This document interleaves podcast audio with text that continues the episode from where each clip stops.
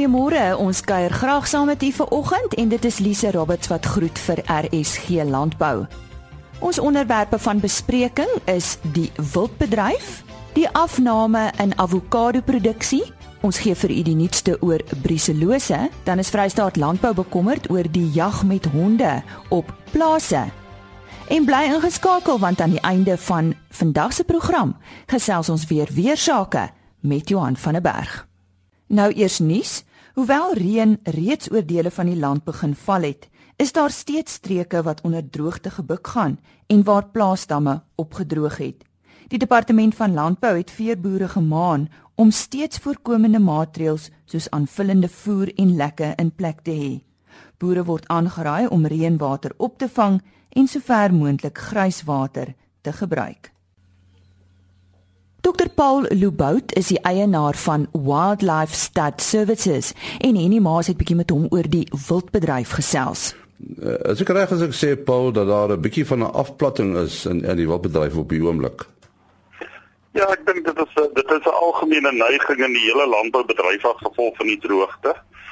Uh ek dink sodra daar dienlike seisonale reëns uh geval het, dink ek gaan die bedryf hier na Maart maand weer noemenswaardig optel en ons gaan weer terug gaan uh nie heeltemal miskien by die uitermate hoë pryse nie, maar dit gaan nog altyd uh heelwat beter wees as die res van die veekundige bedryf. So jy weet dit aan die droogte nie aan 'n uh, uh, gewone ekonomiese siklus nie. Nee, ek dink is dit is dit is meestal ten opsigte van die droogte op die oomblik as er, wat ek in die bedryf sien want goeie kwaliteit genetika gaan nog baie goeie pryse maar die mense is besig om dieregetalle te verminder uh, en net kwaliteit in te koop sodat as hulle die droogte uitkom dat hulle beter genetika het om mee vorentoe te gaan. Uh, so van die genetika gepraat, uh, die wildboere is hulle is hulle baie meer genetika bewus om dit nou so uit te druk. Ja, ek dink ons sien dit baie duidelik ehm um, dat uh, sê maar 2013 toe ek in die bedryf begin werk het en ons die eerste ouerskappe begin doen het was dit uh, ongewoon om op, op 'n veiling uh ouerskappe vestigings te sien en dit is nou amper 'n voorvereiste. Uh ons het nou nie net van ouerskappe as ons nou al op stambome en die eerste prestasie on, uh, sertifikate uh is nou ook al op uh beskikbaar. So uh, byvoorbeeld jy kan nou kyk of jou dier in die top 25% of of hy bo gemiddeld is. Uh, ons het tans al so 20000 seibelmetings op die database en ons kan nou 'n uh, baie um, duidelike analise vir 'n persoon gee uh, van waar wat sy waar sy dier inpas en wat sy kwaliteit is.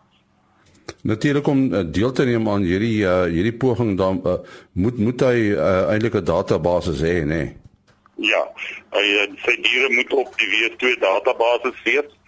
Ons weet ons het nie al die diere op die database nie, maar om 20000 seibelmetings met van diere met akkurate geboortedatums en so voort te hê, kan mens al redelike afleidings maak uh in die bedryf. Uh, uh waarna mik julle, Paul? Kyk, ons het uh ons eerste uh, ons idee is om teelwaardes te bereken ons het tans ons wil graag meer as 5000 metings op die stelsel hê voordat ons um begin korriekurwes van horinglengte trek en so aan. Uh met die seibels uh gaan ons teen die einde van die jaar gaan ons ons eerste blap analises begin doen. En en dit gaan natuurlik 'n hele nuwe era in die wildbedryf inlei. Uh die uh neiging om meer te konsentreer op die uh, kleurvariante. Wat is daar aan die gang? Ek dink wat daar gebeur het is die die kleurvariante uh, is is is ook is nog redelik goed aan die gang en daar's 'n sekere groep mense wat daaraan deelneem uh, uit as ons die wildbedryf kyk en ons kyk na die veilinge en al is dit is dit omtrent ongeveer 5% van die bedryf en ehm um, so daar het het het, het 'n bietjie van 'n afplatting plaasgevind uh, ook in daai bedryf uh, uh, afgevolg van die droogte.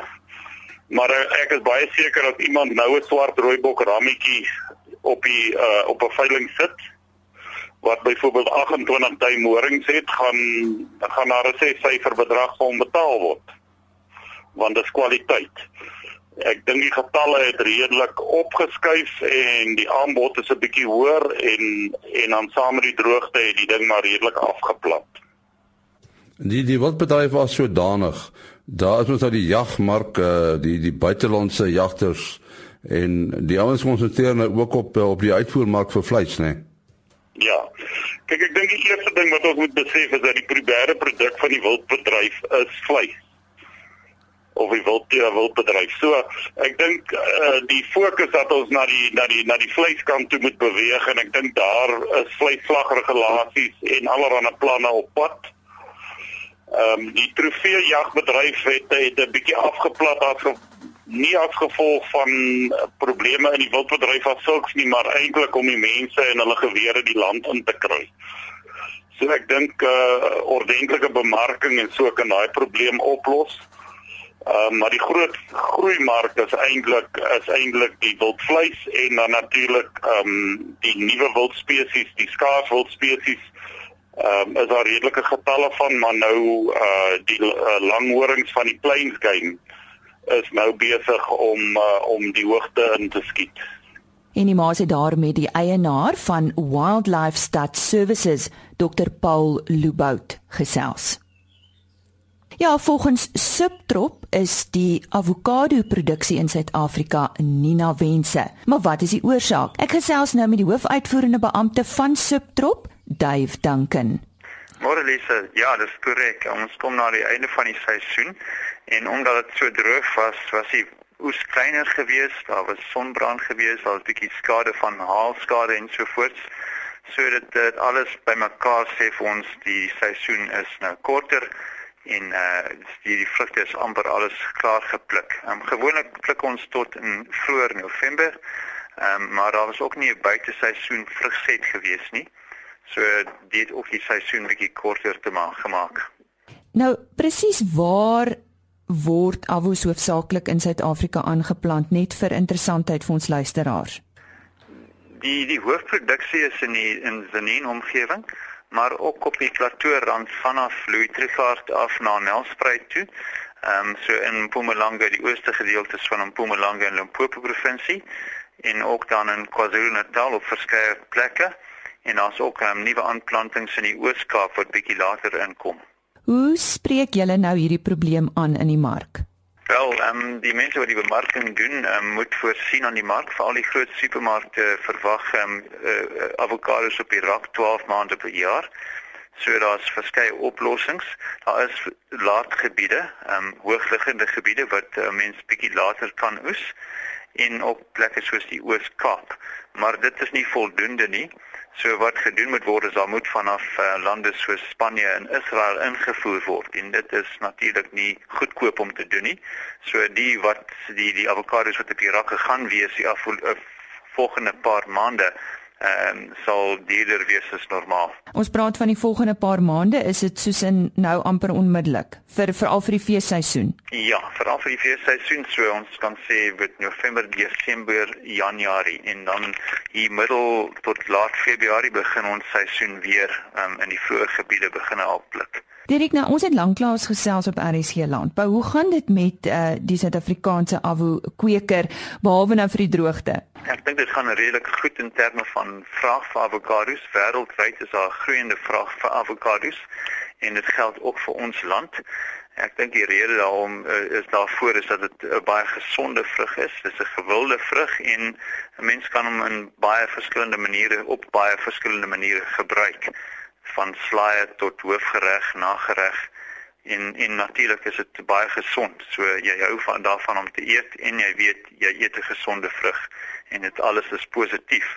So die bedryf groei, daar word ten minste 500 hektare nuwe aanplantings per jaar ingesit en dit is op 'n stadium met ons die stadium met ons 'n beraamde 16000 hektare kommersiële avokado boorde in die land. En hoeveel variëteite Daar's verskeie. Ons begin in vroeg in die seisoen met Fuerte wat heel waarskynlik die gewildste is in Suid-Afrika, groenskil, ehm um, groterige vrug en dan later in die seisoen het ons ehm um, uh vrugte soos Pinkerton en Ryan, Edronol, dis alles groenskille en dan die swartskille of die Hass tipes, dis Hass wat wat ehm um, so donker of swart word as hy ryp word en ons ook Maluma en ehm um, Jim Lamb Hass ook kultivars wat swart word as hulle ryp word. En soos ek nou met jou gesels, weet ek dat ons land uh, plek plek wonderlike reën kry. Hoe lyk dit daar by julle? Hier in die noorde is nog droog. Ons het so 'n bietjie motreën gekry die afgelope paar weke en daar was ook baie warm dae gewees. So dis nou 'n kritiese periode vir die avokado bedryf van die vruggies op die bome is klein. So wat, hoe dit gaan lyk vir volgende jaar gaan afhang van hoeveel reën ons binne die volgende 4 weke kry. Ons het uh, dringend reën nodig hier in die noorde. Ehm um, daar in Suid-Natal, daai areas weet ons het hulle wonderlike reën ontvang, maar is nog hier baie droog in die, in die noorde. En die 2017 seisoen, as jy in jou kristalbal moet kyk? Baie moeilik om te sê. Ehm um, die potensiaal is daar. Die die vrugset uh, lyk goed op die stadium, maar weer eens as ons reën kry, behoort dit oral te wees maar as ons nie reën kry nie, gaan baie van daai vruggies afspeen en uh, daar gaan volgende jaar tekort wees. Maar soos ek gesê het, dis nou te vroeg om te sê hoe dit gaan lyk. So my kristalbal is nie so helder op die stadium nie. Derek, ek weet op 'n stadium ehm um, het julle 'n verbruikersopvoedingsprogram gehad waar julle die verbruiker attent gemaak het op vrugte wat ehm um, wat nie te groen gekoop mag word nie. Uh, uh, hoe gaan dit met daai projek? Daai projek het baie goed gegaan en daar's 'n baie groot bewussyn onder die boere dat hulle nie onvolwasse vrugte moet pluk en mark toe moet stuur nie. Uh, daar was inspeksies gewees op die markte die afgelope 3 jaar uh, om te kyk dat die vrugte wel wat daar verkoop word wel gewas volwasse was. Um, met ander woorde dat hulle wel ryp gaan word. So daar is vogtoetse wat op die vrugte gedoen word en die die voginhoud van die vrug mag nie bo sekere vlak wees nie. En dit is nou wetenskaplik bewys en en daai standaarde word nou toegepas. So dit werk baie goed. Dit was dan Dave Duncan, die hoofuitvoerende beampte van Subtrop. Dis nie altyd maklik om 'n boer te wees nie.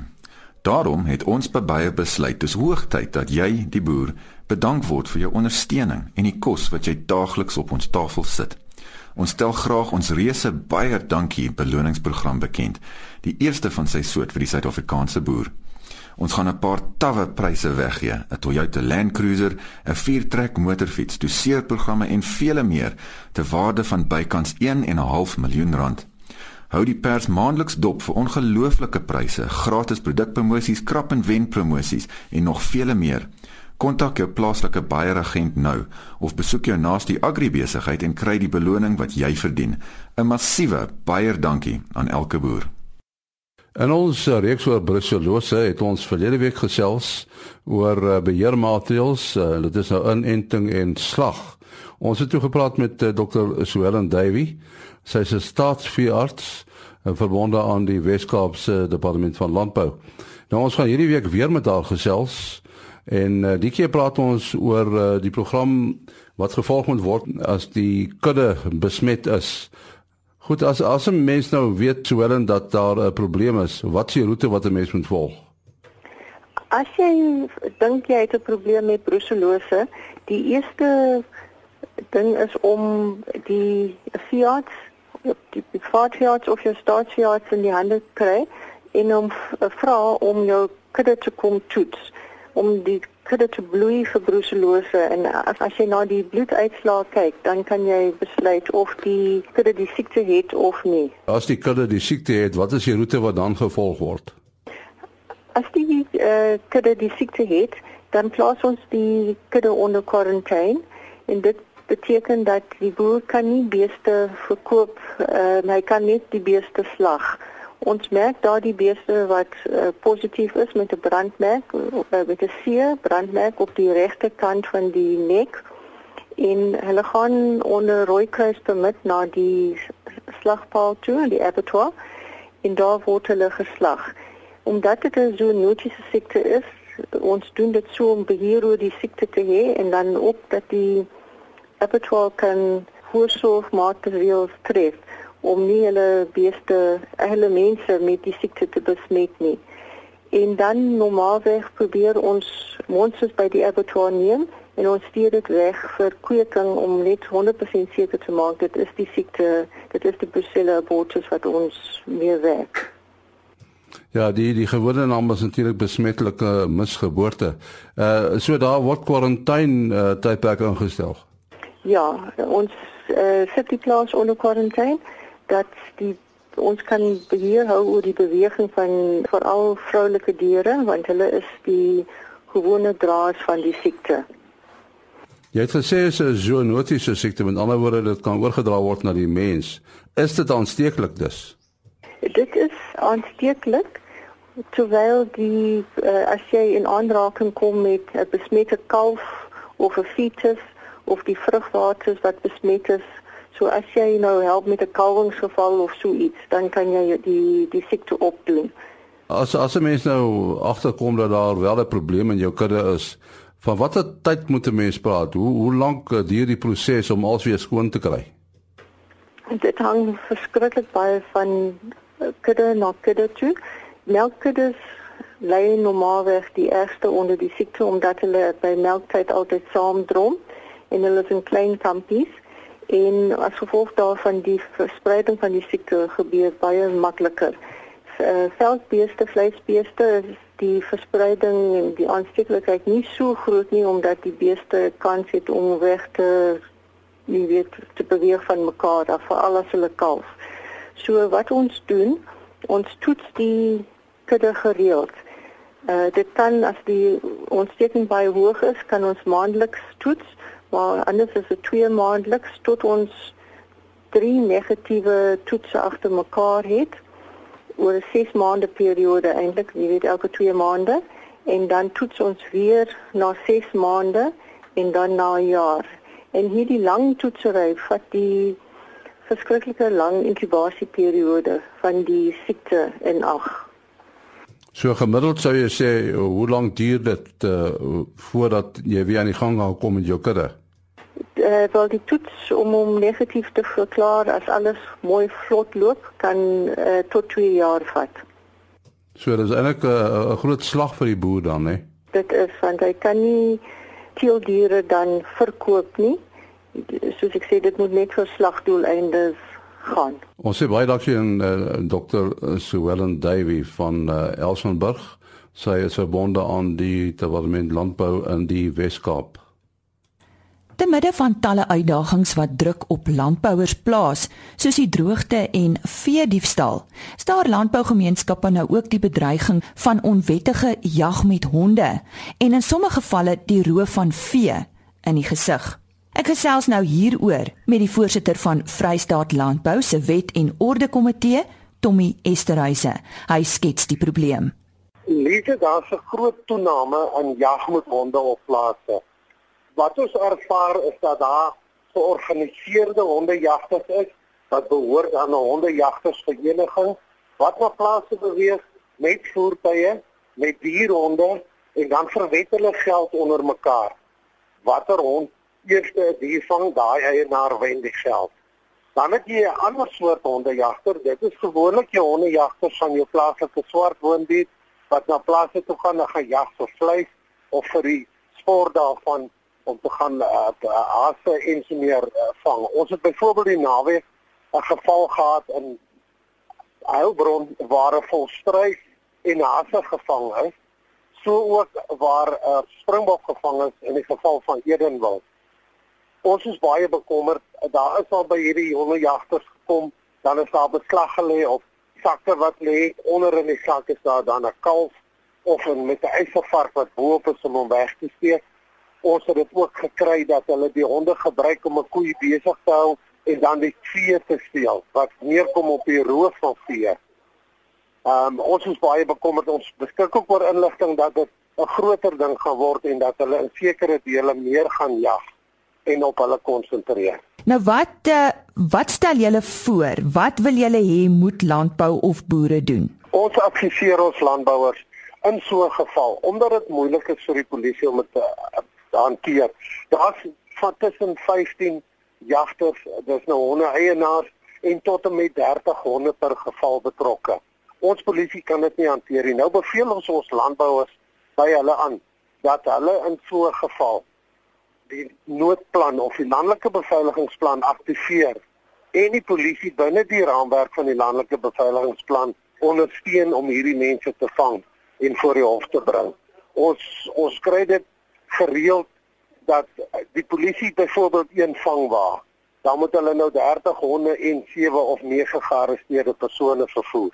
Nou in so 'n geval wat nou die naweek gebeur het, het die boere hulle bygestaan en die persone aangehou vir hulle sodat hulle hulle kon aanry na die aanklagkantoor. Ja. En julle het duidelike riglyne hoe so iets moet gebeur want ek sien in julle persverklaring dat daar duidelike instruksies beskikbaar is. Daar's duidelike instruksies. Ons het ook met ons provinsiale kommissaris hieroor gesprek gevoer. Hulle het 'n direktief uitgereik waarin hulle opdrag gegee het waarvan hierdie honde jagters aangekla moet word onder meer jag sonder 'n permit, jag sonder die toestemming van die eienaar van die plaas, betreding ook ander oortredings onder die natuurbewaringsordonnansies. Aan die woord daar Tommy Esterhuise, voorsitter van Vrystaat Landbou se Wet en Orde Komitee. Vrystaat Landbou het ook in 'n persverklaring die volgende te sê gehad: Misdaad kos Vrystaatse landbouers sowat 1,4 miljard rand per jaar. Die VKB Vrystaat Landbou Veiligheidslesenaar het in 'n persverklaring gesê dit is 'n konservatiewe berekening. Die syfer is gebaseer op 'n opname oor verliese en die koste wat landbouers aangaan om misdaad te bekamp. Die syfers het betrekking op voertuig, vee en algemene diefstal, sowel as huisbrake en inbrake. Die meerderheid van kommersiële landbouers is nie verseker teen die verliese nie. Weens die hoë koste van versekerings vir vee, kan talle landbouers nie versekerings bekostig nie. Talle landbouers kwalifiseer nie meer vir versekerings nie, aangesien hulle al telke male vir dieselfde verlies moes eis en dis 'n te hoë risiko is. Nou ja, ons is dankbaar oor die reën. Dit gee ons weer moed, maar hoe lyk dinge vorentoe? En die maas gesels nou met Johan van der Berg van Santam Landbou. Uiteindelik lyk dit of dinge draai, né, Johan? Dit lyk tog so en as mens sien hier in die tweede deel van van Oktober het daarom oor groot gedeeltes van die kom ons sê die oostelike tot sentrale gedeeltes het begin reën. Uh so nog nie baie nie, maar Ek dink dit was genoeg om die veral die oostelike gedeeltes dat hulle sal kan plant. Daar's nog redelik baie reën nodig veral na die weste kant toe. Uh maar ten minste het dit begin en die klimaat behoort darm nou te verander uh met hierdie groot gedeeltes wat nou reën gehad het. Hierdie hierdie klimaat wat nou uh, moet begin verander. Uh, wat veroorsaak hierdie klimaatsverandering, hierdie verandering want dit is nogal effe laat vir reën, is ek reg? nie regtig waar nie. As 'n mens sien uh as as jy gaan terugkyk in die geskiedenis uh hier van die tweede deel van Oktober af uh is daar die reentyd. Dis miskien 'n bietjie laat vir die ooste kant van die land, maar dit is nie regtig waar laat dit so verander het nie. So as dit net nou van nou af goed begin, dan is dit dis meer normaal vanjaar as wat dit abnormaal is. So as mense nou praat van klimaatsverandering, is dit kan mense amper sê maar die lugvog het daarom nou bietjie verbeter in terme van die seisoen en ons behoort nie soveel storms so goed te hê nie. So as mense suiwer na klimaatsverandering kyk, uh globale verwarming, uh is daar ook nog baie kontroversie oor dit daar is aanduidings dat uh, of nie aanduidings nie is daar temperature is besig om te verhoog maar of dit deel is van 'n siklus en of dit 'n reglynige verandering is uh, daar's nog redelik onsekerheid rondom dit. Uh, hierdie uh, vogtigheid uh, waarvan af kom dit is dit maar, maar van die tropiese konvergensiegebied Ja, uh, op hierdie stadium kry mense amper vog wat hier direk van die Indiese Oseaan afkom, maar ook van die intertropiese konvergensiesone wat wat begin suidwaarts beweeg. En vanjaar is die opstelling daarvoor nogal baie goed. Ons sien dat ons die afgelope 2 weke is aanduidings dat die see temperature in die Stille Oseaan, die kwes daar waar La Nina en El Niño is, het dalk 'n bietjie meer neiging na La Nina as na neutraal toe. Uh voorspellings wys dat hy dalk die grens van La Nina kan kan oorsteek en nie net by neutraal gaan bly nie.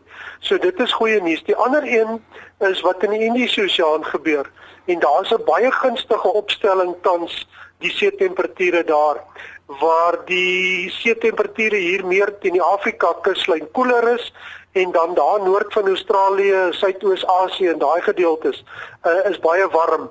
So hierdie uh, indeks neig nou na negatief toe wat sê die, die siklone goed gaan meer na Noord-Australië, daai gedeeltes en dat ons nie siklone en aktiwiteit hier in die Indiese Oseaan gaan kry nie.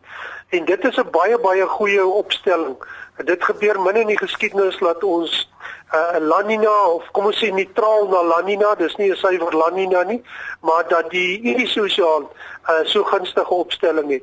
So die verwagting is dat reënvaltoestande heelwat behoort te verbeter in die volgende tyd. En en natuurlik die grondwater, uh, die moet nou styg, nee, dis baie nodig. Dit is daar's baie tekort aan grondwater en natuurlik dan die oppervlakwater. So as mense 'n bietjie gaan kyk en so 'n waterbalans opstel vir die 5, 6 jaar, is die grootste gedeel of die laaste 5, 6 jaar is ons redelik in 'n groot tekort uh, as jy net na die langtermynsyfers gaan kyk. So ons het 'n jaar of 2 van bo-gemiddelde reënval nodig om net weer ons grondwatervlakke uh, uh reg te stel. Sien, dit gaan nog altyd vat om dit te doen. So dit gaan nie net met een of twee reënbuie wees nie en daarmee saam ook ons oppervlakwater wat in 'n groot krisis is. En ons sal met harde reënbuie en heelwat reën kry voordat ons regtig waar aanvulling na ons damme goed kry. Baie dankie Henny en hy was daar 'n gesprek met Johan van der Berg van Santam Landbou. En daarmee het ons die einde gekom van vandag se program. Onthou ek is weer maandagooggend terug om 05:30 met RC Landbou. Chris Viljoen is môreoggend en sowel saterdagoggend aan die beurt. Kom ons kyk net na 'n paar hoogtepunte op volgende week se RC Landbou. Ons gesels maandag onder andere oor omgewingsimpakstudie op plase. Die NWKV praat oor wolprobleme. Die Toyota Agri SA Jongboer vir 2016 word vanaand aangewys. Ons ontmoet die derde en laaste finalis in die Graan SA Syngenta graanprodusent van die jaar kompetisie en hulle is 'n tweeling van die Weskaap. En professor Charlie Reinhardt praat donderdagoggend oor die impak van aardverwarming op gewasse. Nou ja, onthou om daarvoor in te skakel. Ons is elke oggend natuurlik met u. Geniet die naweek en wees rustig. RSG Landbou is 'n produksie van Blast Publishing. Produksieregisseur Henny Maas. Aanbieding Lisa Roberts. En uitskoördineerder Martie Kerstyn.